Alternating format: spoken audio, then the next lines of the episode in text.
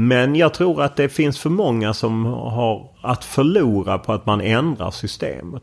För skulle man få full insyn i transfers då skulle man inte kunna avleda x miljoner kronor hit eller dit. Eller, därför att, ja, jag, jag tror att det, det, är för många som har någonting att förlora på det. Därför kommer de aldrig vilja ändra på det systemet.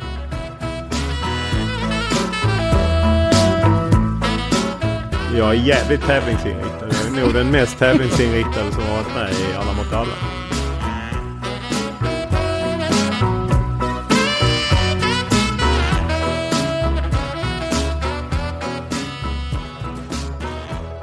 Så det är väl typ så. Ja. Exakt. Och så ska vi väl kanske bara droppa att vi har en, en eh, grävskopa utanför fönstret. det är så här, alltid turen på våra sida. som eh, kan få för sig att borra och leva om lite grann. Så det har vi, så har vi, har vi höjd, eh, som, tagit höjd för det.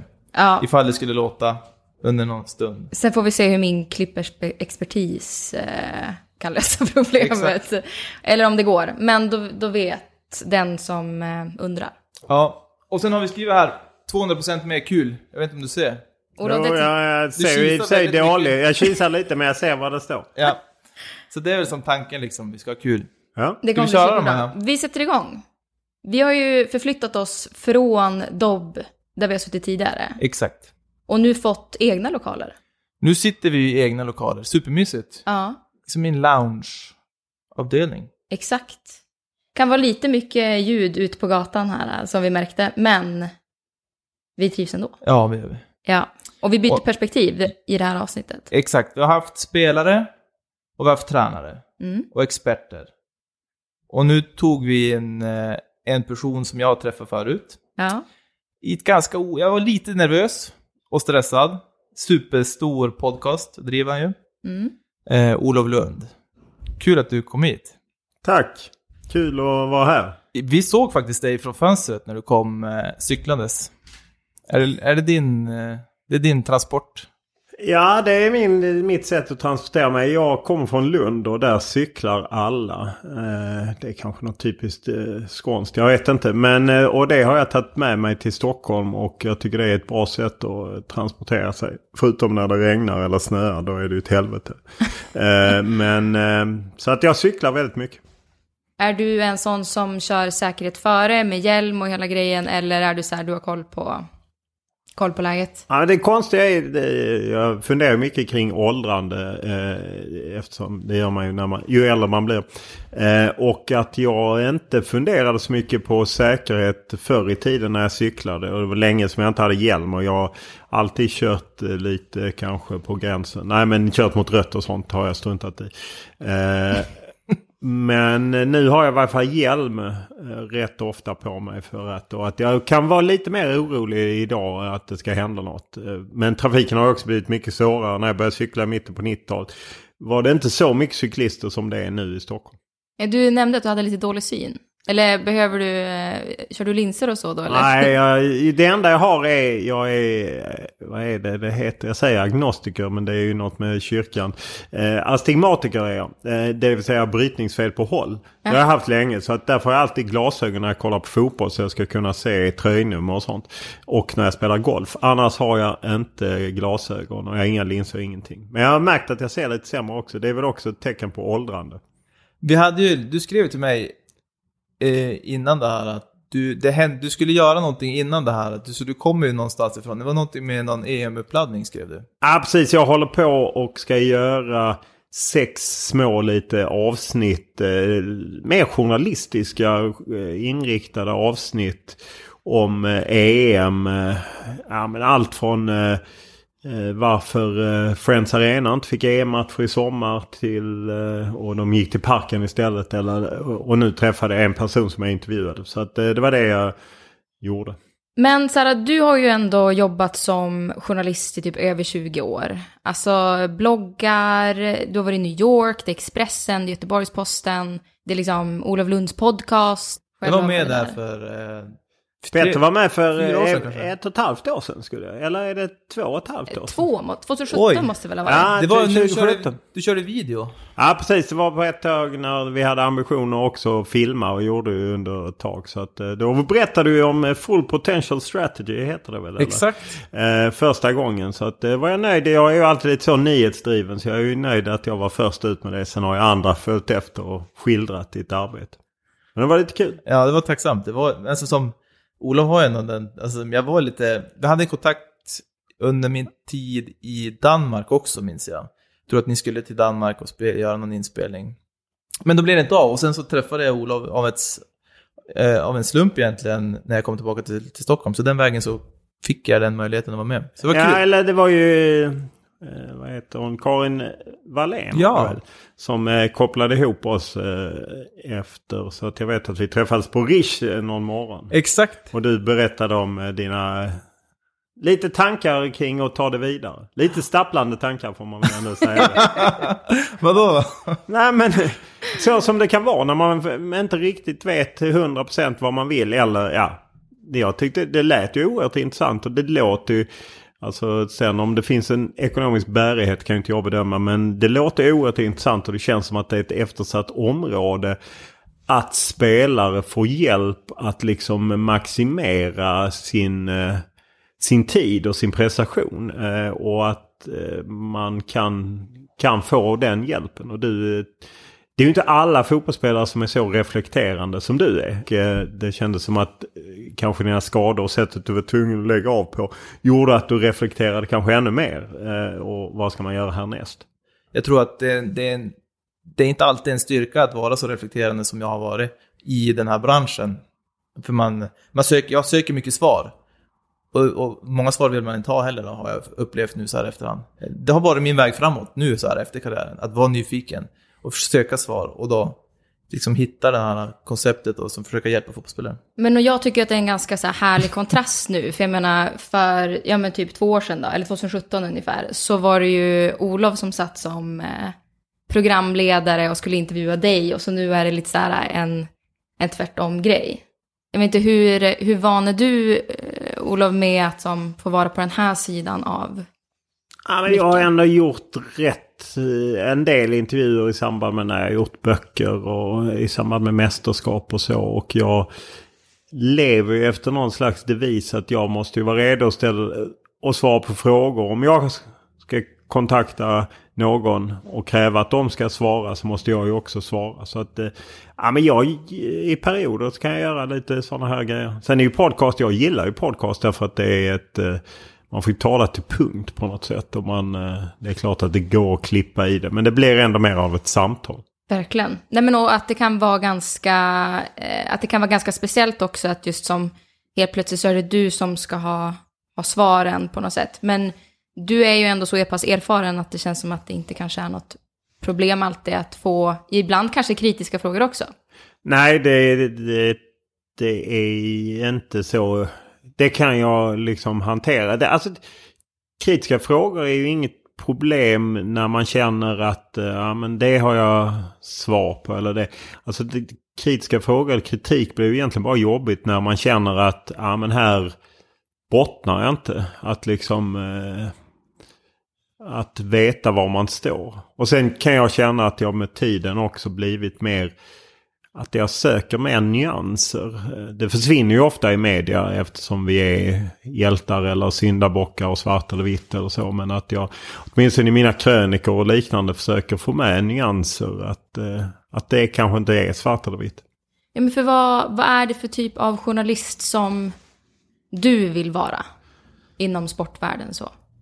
Ah, Jag har ju mer och mer gått till, jag lockades väl av sportjournalistik för att jag lockades av matcherna från början. Att eh, så som nog de flesta lockas in. Att man brinner för en idrott och sen tänker att få bevaka det och det är häftigt. Och, och det är ju fortfarande kul med matcher men jag har med åren blivit mer och mer intresserad av spelet runt omkring matcherna. Eh, vilka är det som styr liksom kring fotbollsklubbar eller förbund eller matcher eller spelare. Och ekonomin. Eh, det stör ju en del att jag är intresserad av ekonomi. Men jag tycker att det är en sån otroligt väsentlig del av eh, idrotten. Men varför, varför tror du att folk tycker att det är störande att du är involverad i ekonomibiten så? En del tror jag känner att de vill kanske behålla bilden av idrotten. De vill stanna på plan. Många vill ju stanna på plan. Allt utanför plan blir ju lite jobbigt. Om det inte just nu är det då i, i Sverige så på något sätt supportergrupperingarna. De vill ju inte stanna på plan om det gäller villkorstrappan och bengaler och så. Men i övrigt så stannar man gärna på planen för att man... Eh, det är lite enklare helt enkelt. Och sen är väl pengar alltid känsligt i, i, i i de flesta länder. Man brukar säga att det är känsligt i Sverige. Jag tror att det är känsligt i de flesta länder. Men eh, ja, jag vet inte. Det är, pengar är ju på något sätt makt och det säger så himla mycket. Eh, till exempel något som jag har hållit på med i många år. Liksom ersättningarna till spelarna i damlandslaget kontra herrlandslaget. Varför ser de ut som de gör och inte? Och varför vill inte förbundet berätta? Och, ja, så fort folk inte vill berätta då väcks min nyfikenhet. För då inser jag att då har de någonting att dölja. Ja, för den är väl uppe nu? Uh... De är ju anmälda till diskrimineringsombudsmannen men de lyckades ju, förbundet lyckades få diskrimineringsombudsmannen att sekretessbelägga deras svar. Så att fortfarande är det ingen som vet liksom skillnaden. Utan förbundet säger ju att i princip har man lika. Det som skiljer är att eh, det är Fifas och Uefas prispengar eh, som gör att det blir en skillnad. Jag tror inte det är riktigt korrekt men eh, eh, jag kan inte bevisa någonting annat. Men man kan som kräva svar på det sättet? Så att som... Nej, man kan, jag har ju ställt frågorna men jag kan inte kräva svar. För till skillnad från Svenska Fotbollförbundet är ingen myndighet utan det är liksom en, en eh, ja, ideell organisation. Och de väljer själv hur mycket information de lämnar ut. Det är mycket svårare att få insyn i Svenska Fotbollförbundet än vad det är i ett börsnoterat företag. Än vad det är i en kommun eller i staten eller så. Det går egentligen inte. det är, ja, skulle kunna räkna tio frågor som jag inte får svar på. Eh, utan då får man gå sådana omvägar som att man tittar på inkomsterna. Ja, men vad, jag tycker det är intressant att Janne Andersson tjänade 5,4 miljoner 2018. Inte så att han inte är värd pengarna. Och att hans assisterande hade nästan 3 miljoner. Och samtidigt hade damlandslagets Peter Gerhardsson 1,2 miljoner. Hans assistent 700 000. Så inte ens tillsammans nådde damlandslagets förbundskapten och assisterande upp i vad herrlandslagets assisterande hade. Det säger ändå någonting liksom om hur förbundet tittar på det här. Och där måste man vara och, och belysa det. Sen kommer folk bli irriterade för det. Men det skiter jag i. Men varför tror du att förbundet mörkar med, med svar på de här frågorna då som, man, som blir ställda? Därför att man, eh, det hade sett dumt ut. Därför det hade inte... Hade det varit så att man hade exakt lika mycket. Förutom att det enda som skilde var att säga tar ni guld så får ni 10% av vad vi får av Uefa eller Fifa. Om det bara var det som skilde så är jag helt säker på att de hade lagt fram det.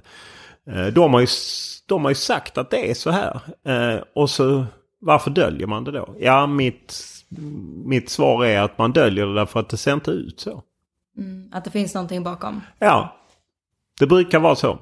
Annars brukar man kunna lägga korten på bordet. Men när det kommer till, du sa ju tidigare det här med att du är intresserad mer för spelet runt omkring. Alltså, vad finns det annars för roller då som journalister tar? Alltså inom sport, om man tänker fotboll eller sport.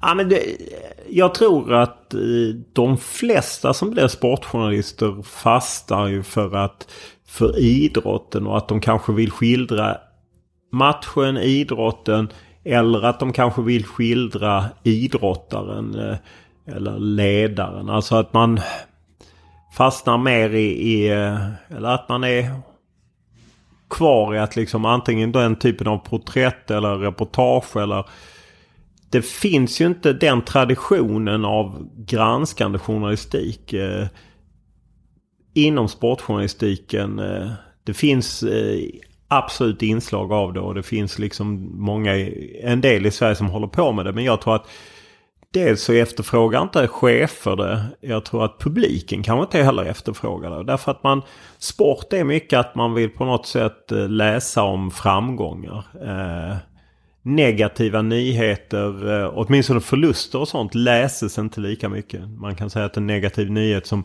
Kobe Bryant när han gick bort nu, det lästes otroligt mycket. Det är väl någonting som liksom träffar där med han och hans dotter oerhört sorgligt eh, som dog i den helikopterolyckan. Det, det väcker folks intresse men man vill inte läsa om eh, andra negativa nyheter. Utan man vill vara kvar på plan och, eller i liksom eller i mänskliga öden på något sätt.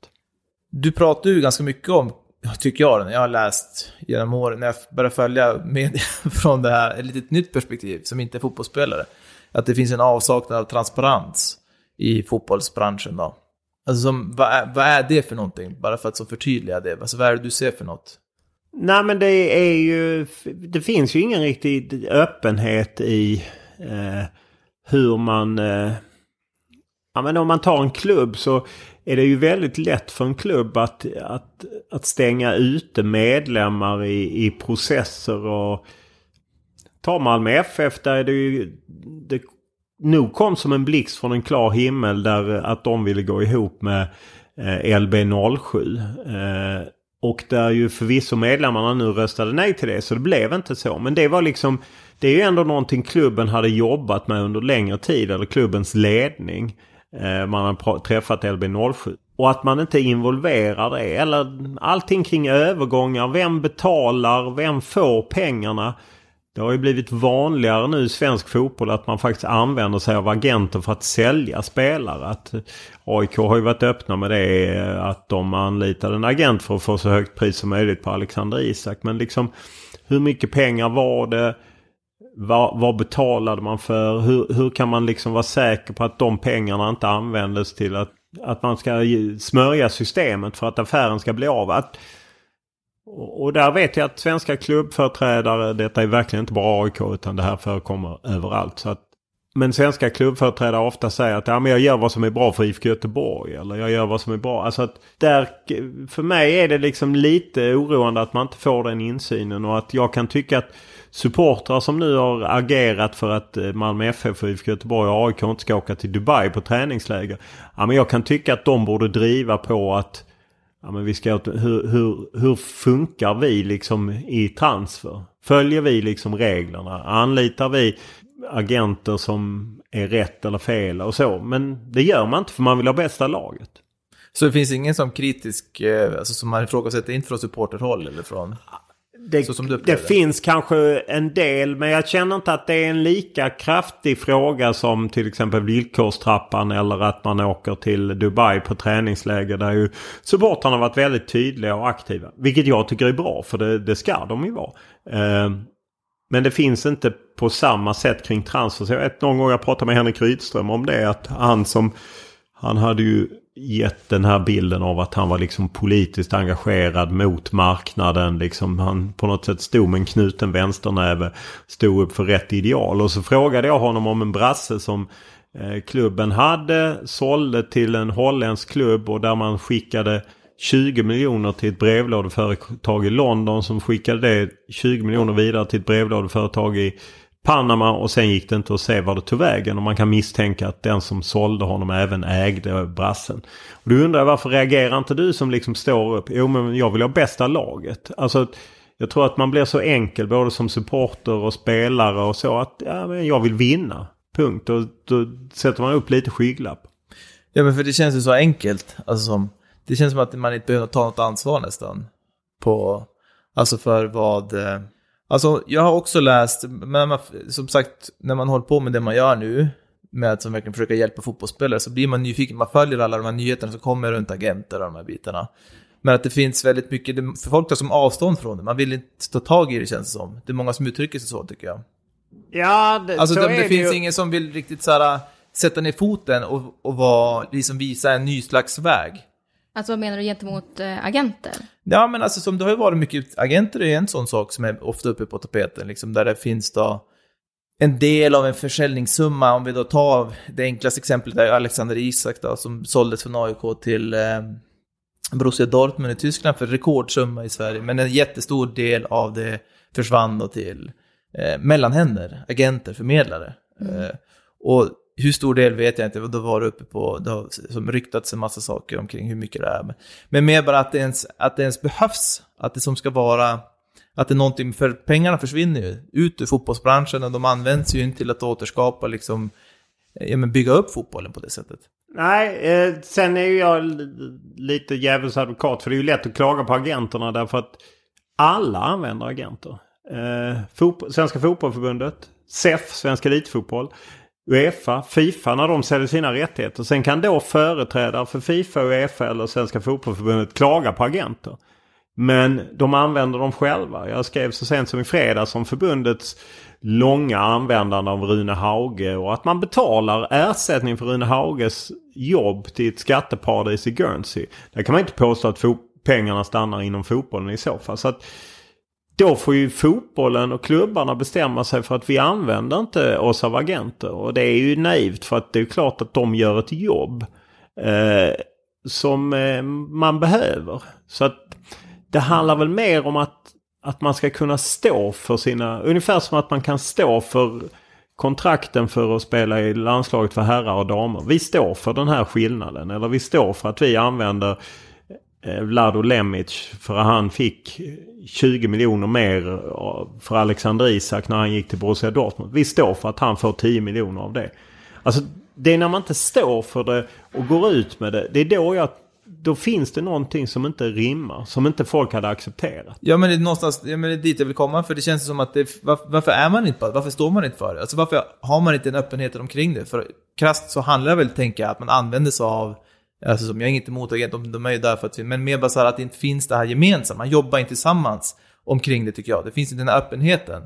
Alltså varför, varför, är man inte det? Varför säger man inte då att eh, ja, men, vi använder oss av de här för vi tjänade så här mycket mer pengar på grund av det? Eller Um, alltså vad är, vad är grunden till det, tror du? Jag, det, jag tror att man hade haft alldeles för mycket att förlora på, uh, på det. Alltså det finns ju ett slags transfersystem inom Fifa där man ska registrera summor och liknande. Och man kan ju se delar. Men det är klart att man har kunnat göra det ännu mer öppet. Men jag tror att det finns för många som har att förlora på att man ändrar systemet. För skulle man få full insyn i transfers.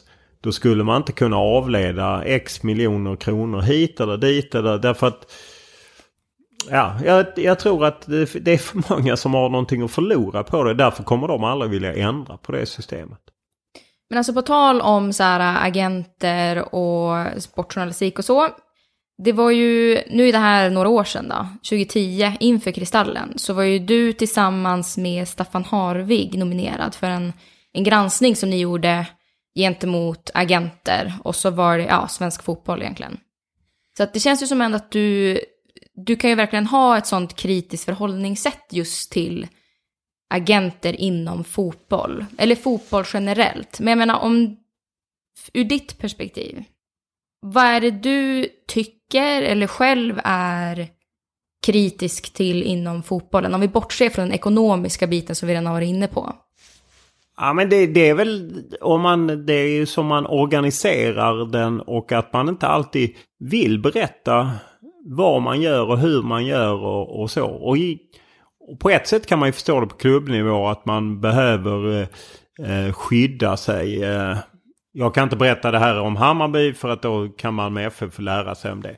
Det är väl en aspekt och sen så är det väl en annan aspekt är ju något som liksom diskuteras mer och mer är ju mångfalden eller rättare sagt bristen på mångfald. Framförallt liksom i styrelserum eller i ledarstaber och, och liknande. Att, eh, jag menar, vi, tittar vi på en fotbollsplan eh, idag och tittar på några, två lag i 20-årsåldern som möts.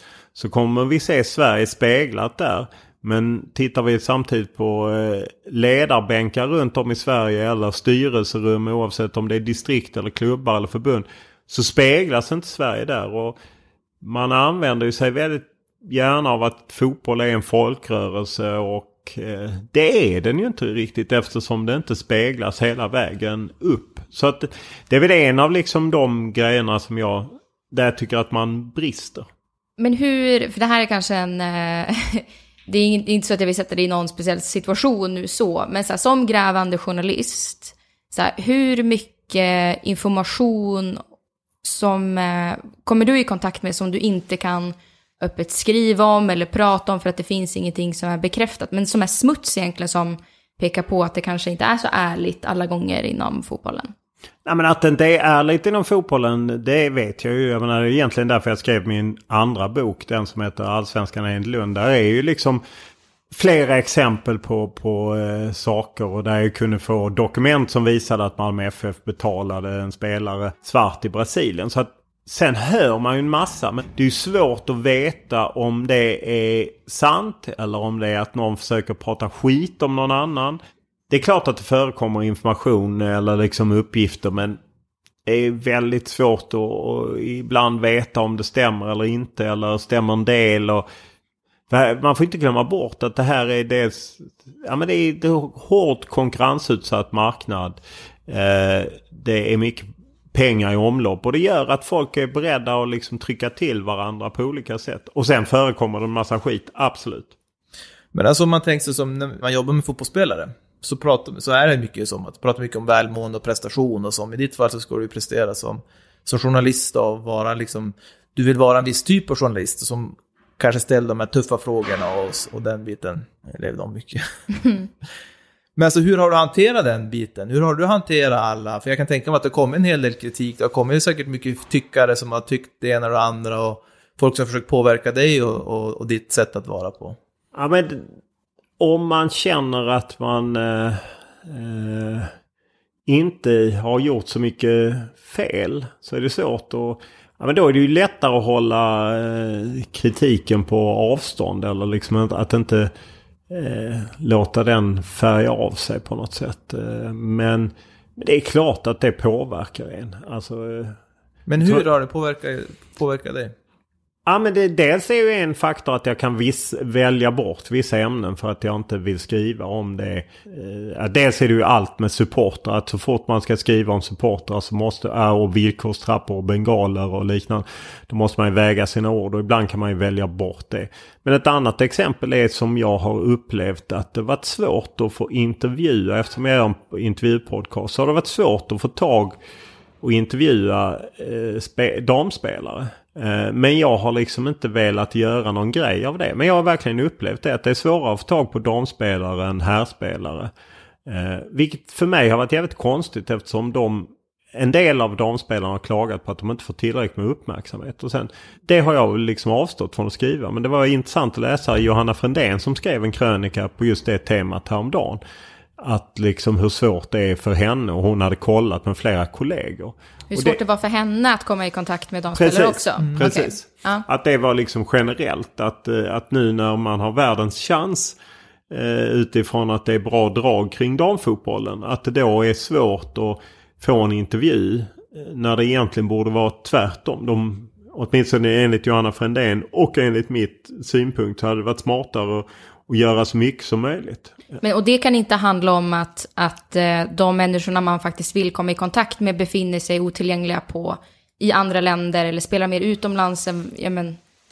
Jo, säk säkerligen men eh, det gör ju herrarna också och eh, det var ju som Johanna Frändén jämförde med att liksom de svenska herrar som hade varit i Frankrike förut, med undantag av Zlatan i PSG hade aldrig varit några problem att komma i kontakt med och komma och träffa och göra en intervju med. Eh, medans nu var det svårt på, på damsidan. Och jag, och jag, kände precis, jag kände verkligen igen mig. Men det är en sån sak som jag har avstått från att skriva. För att jag bara vet att ja, men då kommer man bara få skit kring det. Men jag håller med henne. Men det, där är ju lite självcensur att man får eh, välja liksom vad man skriver. Vi var ju inne lite grann på det här med relationer till spelare. Mm. Och eh, jag tycker att det är ganska intressant att få höra dig Olof, så här, du ska ändå träffa spelare direkt efter match, du bokar intervjuer med dem, du, eh, ibland kommer det kritiska frågor, ibland är det rent så här eh, supporter, eh, fakta som eh, många tittare och lyssnare och så vill ha. Men hur upplever du att det är att få en bra relation med ett intervjuobjekt blir det ju då om man ser det objektivt. För det handlar ju också om att det ska vara en balans mellan att inte trampa någon på tårna men samtidigt kunna göra sitt jobb och hålla som en god ton mellan varandra. Ja, det, dels hänger det ju ihop lite på vad det är för någonting. Är det en podcast så brukar man ofta få, då, då är det ju längre tid och då har man ofta liksom på något sätt eh, etablerat någon slags relation. Och, och, och, och har en spelare valt att tacka ja till en podcast så finns det ju ofta någon slags eh, ja, men liksom grundläggande förutsättning att de vet väl vad, vad, vad det står för. Annat är ju liksom direkt efter en match oavsett jag, vi har haft allsvenskan på Simor då har jag stått och intervjuat folk eller eh, efter landskamper också. Där är det ju annat och där är det ju, det är klart att där kan det ju hamna att de kan uppleva att det blir en för negativ fråga eller för kritisk fråga. Men eh, jag försöker alltid tänka att jag liksom ställer de frågorna som eh, eh ja, men folk kan vara intresserade av att höra. Eh, sen har jag lärt mig liksom att eh, eh att även det kan ju ge liksom reaktioner som är kraftfulla. Eh, där folk upplever att man, framförallt i den allsvenska fotbollen, att folk upplever att man går en klubbs ärenden alternativt går efter en annan klubb liksom. Och att man är ute efter någon och, och, och så. Och, eh... Ja, men för vi har ju också, vi har ju ändå haft några fotbollsspelare här. Eh, och vi har ju pratat med några om just det här hur man eh, ser på media och hur det är att hantera det och att våga vara genuin och öppen när det kommer till att prata med journalister. Och jag upplever det som att det är supermånga som tycker att det är svårt. Och att det finns en rädsla för att det jag säger nu kan lätt vridas och vändas så att eh, det sen kommer att skildras på ett helt annat sätt än det jag mina intentioner till det. Och det kan ju jag i alla fall tycka att när man kollar på fotboll, kanske speciellt intervjuer vid sidan av planen, så, så är det ganska återkommande förutsägbara svar. Jag vet inte, hur ser du på att det, relationen mellan journalist och spelare, att det kan bli så? Nej men det är väl en naturlig följd därför att eh, dels så funkar ju media så att man kan plocka ja, men ett eller två citat. Säg att man sitter och gör en jättelång eh, intervju oavsett om det är med Offside eller Aftonbladet eller någonting. Och så kanske ah, vi på Fotbollskanalen eller Expressen eh, plockar några citat. Eller TT skickar ut till alla lokaltidningar. Så är det ju klart att, att det kan bli ett... Bara där blir det ju något annat. Liksom ett eller två citat och liksom gällande någonting. Jag jag förstår ju det och jag förstår ju det om man är eh, kanske ung och lite oerfaren eller tycker det är lite jobbigt. Så det är ju tyvärr så det är. Jag tror att det är svårt att komma runt Jag tror att det är svårt att, att vi skulle ändra på vår affärsmodell eller vårt sätt att...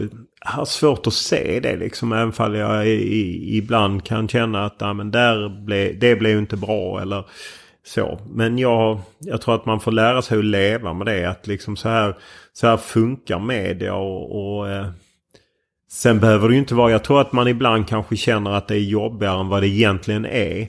Därför att idag, förr i tiden var det ju liksom, gick det i en tidning och så brukar man säga att imorgon slår de in fisk i den tidningen. Det vill säga att, så det hette liksom så, ja men imorgon, och idag är ju nyhetscyklerna ännu snabbare det som är en grej på Expressen, Aftonbladet, Fotbollskanalen kan ju vara en grej i några timmar. Sen är det någonting annat.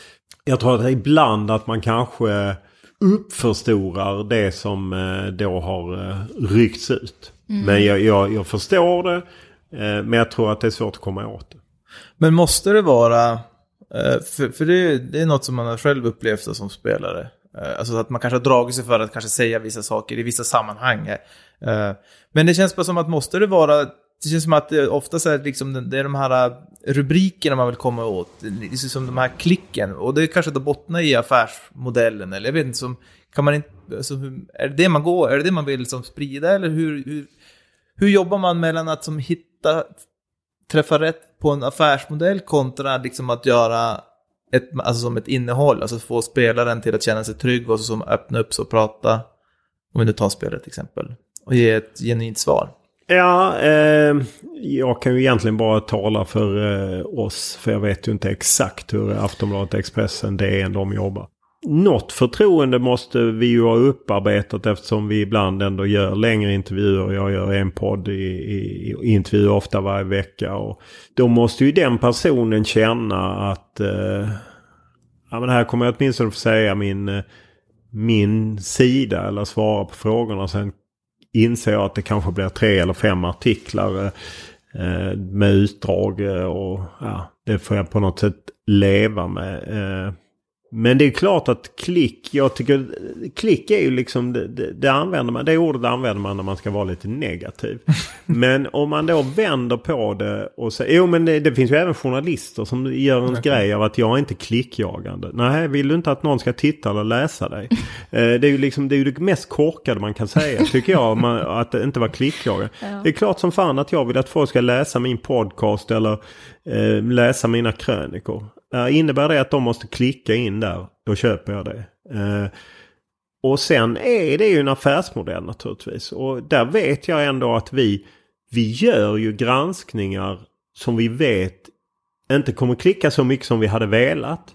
Men som vi tycker är viktiga. Uh, att uh, göra liksom, jag har en kollega Martin Pettersson som gjorde liksom en Ja men om en agent som har jobbat mycket med Rosenborg men också jobbat svensk fotboll och ja, men olika turer. Ja men nog något som kanske inte den genomsnittliga fotbollskanalen läsaren kastade sig över. Men som det är viktigt att göra. Och på samma sätt som vi har gjort mycket kring förbundet och liknande. Det är färre som läser det. Men vi tror på det. Vi tycker det är viktigt. Hade vi bara gått efter klick så hade det ju mest varit Ronaldo i en ny Ferrari eller alltså så. Sen är det klart att eh, idag kan man ju mäta allt från lästid till hur länge, hur det klickar. Så det är ju en svaghet tycker jag. Alltså det är ju en styrka att veta vad folk går igång på. Men det blir ju en svaghet om man bara låter det styra. Och det känner jag att de som bestämmer på fotbollskanalen, de låter inte bara det styra. Kan det finnas liksom ens att vissa eh, fotbollsspelare till exempel som blir intervjuade och sådär, upplever du att vissa kan bli särbehandlade på grund av status eller så, just när det kommer till intervjuer eller frågor eller så här, hur man porträtterar dem eller? Ja, alltså, nu, får du, det... nu får ju du vara lite så här djävulens advokat liksom. Absolut. Eh, nej men så är det ju självklart att det blir... Eh och det kan säkert spelare känna igen sig när man får ett genombrott. Det är konstigt att det finns den mediala logiken att man på något sätt bygger upp någon sen nästan river man ner dem. Att, eh, ja, men att det, det slår över till att det blir någon kritisk. Nu är det ju inte så att alla sportjournalister samlas i, i ett eh, hemligt rum i Gamla stan och snackar ihop sig om eh, hur det ska gå till. Det tror, verkar ju folk tro. Men det blir ju någon slags medial logik och det är ju inte bara sportstjärnor utan det kan ju vara politiker eller det kan ju vara liksom eh, vem det nu må vara, mm. artist eller något liknande. Att först är väldigt mycket positivt sen börjar folk kanske Ja men det måste ju finnas någonting bakom det här. Ja, men vi kan ta Blondinbella som liksom varit väldigt håsad och sen så plötsligt började man titta på hennes siffror och så var de inte så bra. Och sen har det varit väldigt mycket negativt jag tror att den dynamiken kommer man nog aldrig ifrån. Eh, och sen är det klart att spelare blir, får olika status. Delvis beroende på hur de är i media eller beroende på vilken status de har. Jag menar, eh, jag, jag vet ju att ni hade Max Rosenberg här. Eh, eh och han har gjort fantastiskt i Malmö. Men det är klart att han också fick en annan behandling av lokala medier. Sen kan man säga att han har haft ett högre tryck på sig att leverera. Mm. Det har han på, också haft. Men men han hade ju en, en närmast gudaliknande status på, på slutet. Eh, och eh, Zlatan lika så. så att... Men sen så här, om man ska försöka se det åt andra hållet så, alltså att har man den rollen som fotbollsproffs så ska man ju också vara beredd på att kunna få tuffa frågor och lite så här. Men det är väl kanske där... Men får ett... ni tuffa... Känner du att du har fått tuffa frågor i din karriär? Alltså om, nu, om, nu får jag frågan som 35-åring eh, snart. Ja. Eh, så nej, det kan jag alltså inte så egentligen. Det är väl mer bara hur, alltså jag tror att man, där och då är man så inne i den där fotbollsbubblan och man, man tänker inte kanske så mycket mer och så, och så kanske någon gång så blir ett svar, så blir den här rubriken och så kanske man blir stressad över att det blir en rubrik eller någon kanske bara läser rubriken och så blir det bara spiral av det. Jag tror inte, alltså egentligen så är det inte så farliga grejer. Nej, för det är ju det jag För man har ju ett ansvar, men det är, ja. det är ju ett jobb. Det, och det, men jag tror att vi kommer komma dit mer och mer, alltså fotboll, fotbollsspelare. För fotbollsspelare jobbar också mer nu med sina team, med sina managers och rådgivare och alla, alltså som att de är varumärken och, och företag som ska byggas upp. Eh, ja, och jag, jag, kan ju känna att det är ju rätt, är inte så många eh, hårda frågor som jag har ställt i, i, under de 20 år. Alltså, Kanske mer hur det gestaltas. Eller ja, det... fast det, det, det, det, ja, där känner jag också ibland att det blir liksom att eh, folk uppförstorar det. Eh. Sen är det klart att vissa är ju känsliga. Men jag tar förbundskapten Erik Hamrén. Jag kunde ju inte fråga honom om vädret ens. Han blev ju nästan arg på det. Så att det handlade ju mer om att han var så jävla... Han liksom känslan utanpå kroppen. Det är klart att då är det svårt. Då blir varje fråga svår. Men för spelare som är rätt avslappnade, som är trygga i sig själv, vilket jag inser kommer lite senare i karriären, så är det ju rätt sällan de får särskilt svåra frågor som de inte kan klara av. Men alltså att stå till svars för saker skulle ju kanske vara... Alltså att man ska stå bakom någonting eller vara emot någonting skulle ju kunna vara en fråga som är jobbig att, om man inte är trygg. För man är rädd kanske för på vilket sätt folk ska se på en, till exempel. Ja, nej, men till exempel när man är i Qatar och, och frågar spelarna hur ser ni på Qatar att vi träningsspelar här. Så är det ju en del spelare som man märker är oerhört obekväma. Just för att de är rädda för att de ska säga fel sak. Eh, och är inte tillräckligt kanske bevandrade i ämnet. Eh, och är inte tillräckligt kalla och bara säga att nej men det är klart att jag inte tycker att, att det den här regimen står för är något som jag kan backa. Men nu har landslaget valt att åka hit och jag väljer att åka med. Men jag står verkligen inte bakom regimen. Det är ju inte svårare än att säga så. Men få, en del pallar ju inte ens det. Liksom. Nej, men jag tror att många kanske bara inte har det. Det, alltså, det kommer inte naturligt. Alltså, så jag tror alltså, det, det är ju någonstans det här som är... Alltså jag tror att alla skulle må bra av att man, alltså, som, att man jobbade mer tillsammans för att som skapa alltså, så här, ett bra, ja, skönare klimat, klimat. Så det blir liksom ett bättre mediaklimat och att det blir... Fotbollsspelarna kan våga vara med sig själva och öppna och liksom stå bakom saker utan att det ska bli de här rubrikerna kanske. Eller att mm. man ska bli... Fast rubriker ska du ju... Ja, men rubrikerna, men rubrikerna må vara, men alltså som att det kanske blir att folk då har åsikter om en så mycket för att man sa någonting just där och då som man kanske inte ens visste vad, vad innebörden av det är. Alltså som, det finns ju massa, det tror jag är jättevanligt bland fotbollsspelare. För man är inte, som du säger, man är inte så bevandrad inom vissa sådana kanske då politiska frågor eller Fast då hade man ju nästan velat följa med de fotbollsspelarna sen när de drar upp Aftonbladet på sin iPad eller på sin telefon. Vad är det de klickar på? Mm. Eh, för jag tror att de kommer klicka på... det är faktiskt en bra fråga. Jag tror att de klickar på, fan det är en konflikt mellan Rickard Norling och Andreas Alm. Eller, ja. Alltså, de är ju inte mer än människor. De går ju igång på samma saker. Jag menar när jag pratar med spelare så frågar ju de mig om samma saker. De är ju lika nyfikna om eh, konflikter, agenter, eh, det ena med det andra. Men de vill inte själva liksom allt som är, blir lite jobbigt vill man inte själv vara med om. Så att, jag tror att man får inse att vi journalister, vi gör ju en tidning som ska engagera någon. Som ska göra att någon är beredd att eh, betala för att läsa den Ja, och då dras vi till det som flest läser. Jag menar, det är ändå så att man kan klaga vad man vill på Aftonbladet. Det är ändå så att fem miljoner svenskar är inne där om dagen eller något liknande. Eller om det är fyra. Alltså, någonting gör de ju rätt. Eftersom då halva Sverige är inne där och klickar eh, på olika saker. eh, och och där, där måste liksom... Ja, det är ju det som är intressant. Ja, Ni får ha det... så här utbildnings, bygga utbildningsdagar eh, för fotbollsspelare. Eh, så får vi se, ta en sån speciell, de får sätta på sig en sån som man har när man forskar på hur folk läser tidningen. Så får vi se, se hur Markus Rosenberg läser Aftonbladet och vad han klickar på. Men eh, finns det så här någon relation som du känner att du har bränt? Um, för att du har varit, ja men sagt fel ord eller så här, varit för framfus eller ja, som du kan som komma på. Massor av eh, den typen av relationer som jag på något sätt bränt. Sen har jag har egentligen aldrig haft så extremt nära. Jag har hela tiden, jag tror jag var för gammal eh, när jag började jobba. Jag började jobba som sportjournalist när jag var 30 eller jag började jobba som journalist när jag var 30 och liksom kom in som sportjournalist när, på allvar när jag var 35. Att redan då fanns det liksom, de flesta spelare var 25 kanske. Att redan där fanns det, jag tror att det är lättare att, att få en relation om man nästan är jämnårig. När man liksom, jag var ju rätt förvånad när jag fick en intervju med Erik Hamrén förra året i Qatar eftersom han och jag kanske inte har eh, eh, eller han har inte gillat mig helt enkelt. Eh, och eh, liksom, jag tror inte att jag får någon intervju med Zlatan eller... eh, Varför tror du inte det? Nej men han gillar ju inte heller eh, allt jag har frågat om. Och där, ja, det- det är ju också liksom en svår...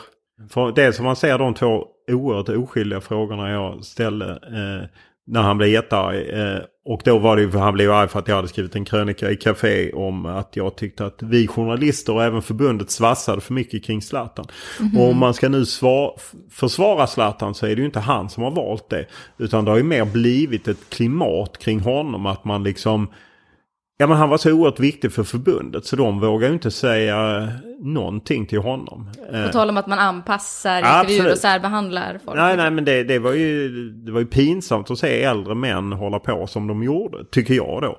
Men jag förstår ju hur det funkade och varför det blev så. Och när man då, det gjorde ju att han blev irriterad. eh, Och sen har det väl varit liksom några andra grejer. Och det tråkiga med det är att liksom om man är kritisk mot Zlatan så blir det lätt som att man inte kan samtidigt uppskatta allt han har gjort, vilket jag tycker att jag kan.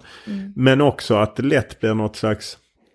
Ja men det, det klistras på att jag är rasist eller att jag hatar honom. För att man belyser någon annan sida av honom. Eh, och det, det tycker jag är jävligt tröttsamt. Och så det måste vara jättekänsligt, tänker jag. Alltså hur man ska, alltså som balansgränsen liksom mellan att som, när kliver man över någon slags gräns att nej, nu, nu ogillar den här personen mig, så nästa gång jag hör av mig så då, då kommer inte de att svara liksom.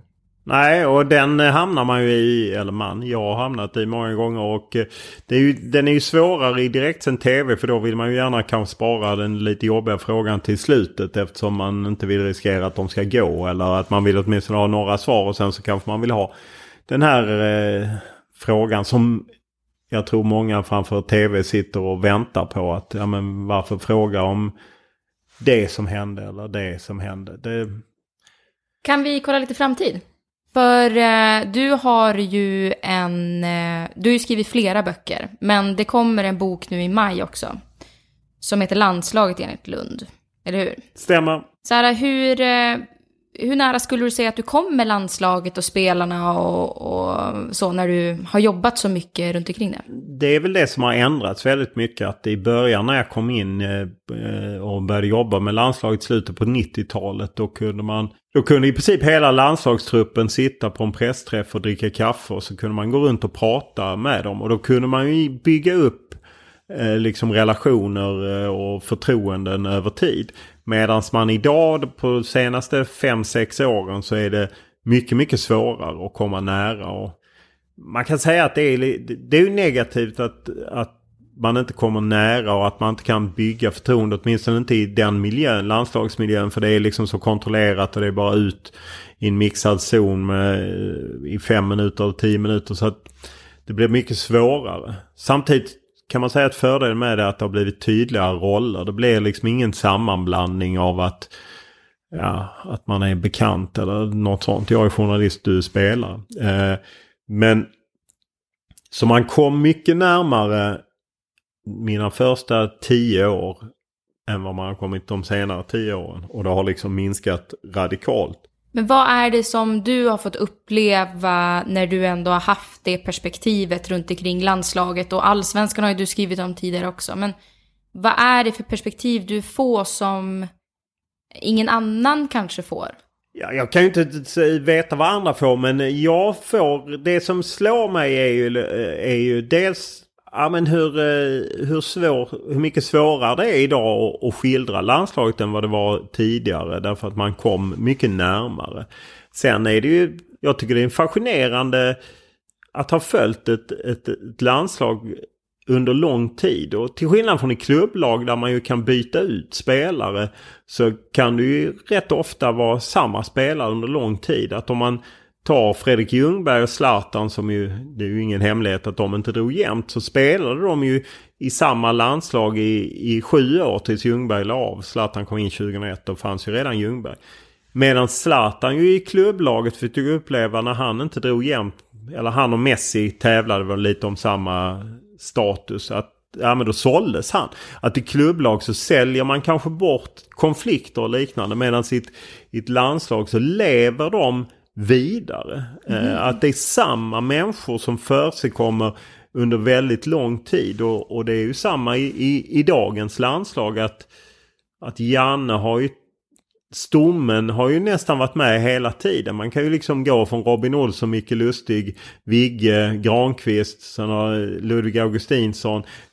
Liksom det har varit samma hela tiden. Och, och det är klart att Ja, det är ju sådana saker som jag kanske vill skildra lite. att eh, och i framgång så är, heter det ju att ja, men vi är en fantastisk grupp och det är härligt. Men i motgång så är det inte alltid riktigt så. Att det är bara att gå till guldbollen, liksom känsligheten i guldbollen. Den, det är liksom som att trycka på en varböld i landslaget. Att Janne Andersson till nästa år kommer välja att hoppa av guldbollen-juryn för att det blev så känsligt att han röstade på Andreas Granqvist 2017 och inte Emil Forsberg. Och de är ju ändå del av samma landslag. Denna härliga grupp som alltid kan göra saker ihop och så som man beskriver det i framgång. Så är det ju inte. Och det är ju, så är det ju på min arbetsplats också. Kanske på er arbetsplats också. Nu är ni syskon så jag vet inte hur mycket ni bråkar. Men, eh, men, det skulle vara det här för en timme sedan. Men eh, att det blir liksom det är, jag tycker sånt är så jädra intressant. Eh, helt enkelt. Ja, det är superkul. Ja. Vi bråkar ju bara innan jo, Olof kom. Ja, ja, ja precis. men alltså han är lite uppkäftig och så blir jag uppkäftig och så tycker du att jag är uppkäftig. Och så... Tyckte ja. du var dryg? ja, och jag tyckte du var uppkäftig.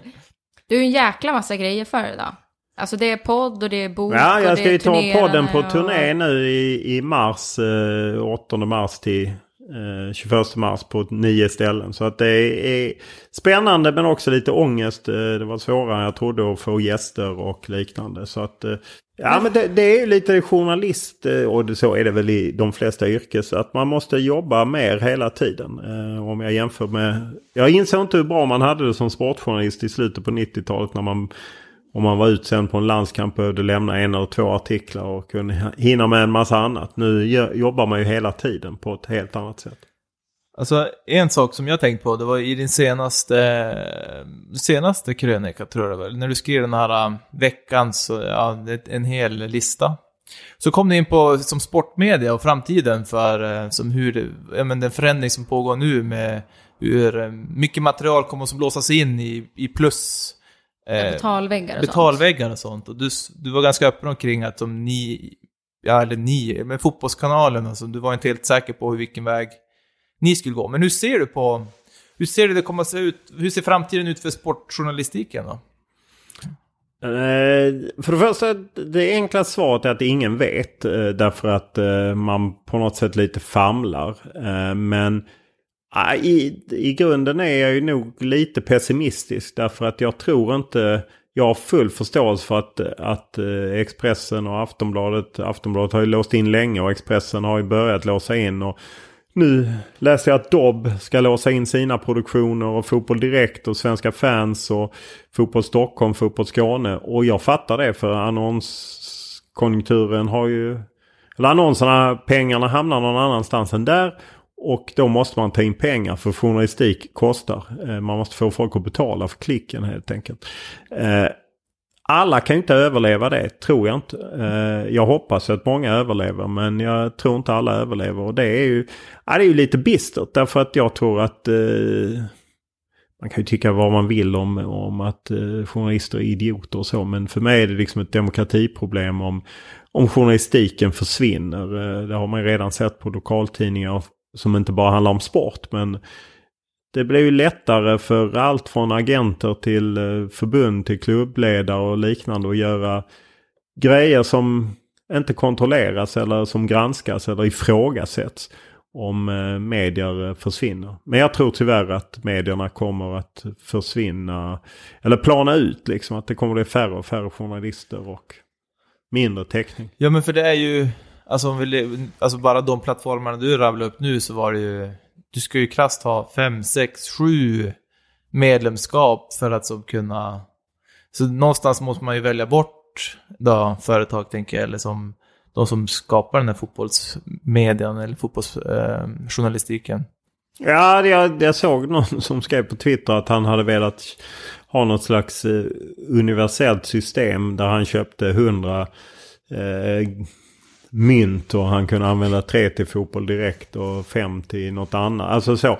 För det är klart att det är precis som det är. Att man kan inte vara medlem i hur mycket som helst och det märker man ju bara på i streamingvärlden där Netflix då, vad är det, sex år gammalt kanske och alla började skaffa Netflix och nu fick HBO och sen finns kommer Disney Plus och Apple och, och likadant blir det då på sportsidan. Och, ja, jag tror att det, blir, det, det är bistra tider. Eh, men eh, det är kanske ni som sitter på lösningen som sitter på någon mer eh, sport. Att, att ni kommer in från en annan vinkel. Alltså lite som eh, Players Tribune heter väl det som basket, baseballspelaren Derek Jeter startat i USA. Att man låter idrottare berätta sin story fast i ett annat sammanhang hos andra idrottare. Och att man, den typen av alternativ kan nog växa upp. Men, ja, men för det blir ju som när, för när man tänker på, på Netflix och de streamingtjänsterna som finns och Spotify och liksom som det utbudet man får på ett sånt medlemskap kontra ifall man ska börja följa och betala för alla de här äh, hemsidorna som man då kanske besöker idag om man följer fotboll. Eller poddar eller video och YouTube. Alltså, det blir ju ganska dyrt snabbt då. Ja, Så det, är blir- ju en utmaning tänker jag. Ja, precis. Och, och det svåraste är ju att man har vant folk vid att allt från Eurotalk till eh, nyhetsartiklar är gratis. Och man, det är ju svårt att, och, även om man tycker att eh, poddar och liknande är skitbra, så är det ändå en tröskel från att liksom gå från att det här har jag lyssnat på eller tagit del av i, i fem år utan att betala. Nu ska jag plötsligt betala. Eh, en del kommer göra det men alla kommer inte följa med där. Och, och, ja, jag tror att eh, vi har mörka tider framför oss. Vi ska ändå komma ihåg att detta är faktiskt fortfarande en slags högkonjunktur. Eh, eh, att ekonomin i Sverige går rätt bra ändå.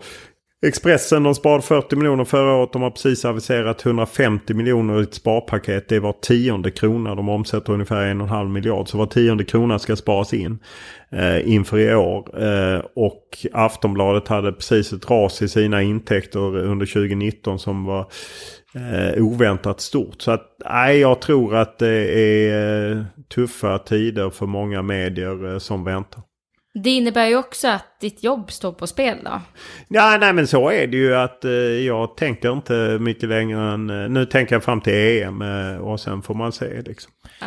Det är därför han kanske är med i all, vad heter det, Alla mot alla? Alla mot alla. Ja, ni- det måste folk se, för det är, super, det är ett superbra program. Ja, nej men tycker det... Men det- får jag fråga en sak? Alltså, är det en jargong? Eller är, har ni något eh, gnabb mellan er? Du och Filip och Fredrik? Nej, de, är- jag tycker de förföljer mig. eh, till och med så mycket så att eh, Fredriks pappa Peter har varit i studion flera gånger för han tycker också det. Det är väl lite jargong och lite, lite allvar, lite jargong skulle jag tro. De säger alltid att ah, men vi, du vet att vi älskar dig. Men det är ju sånt de bara säger för att sen kunna vara elaka. Så att, eh, jag, eh, Men då är du ändå lite tävlingsinriktad ändå. jag är jävligt tävlingsinriktad. Jag är nog den mest tävlingsinriktade som har varit med i Alla mot alla.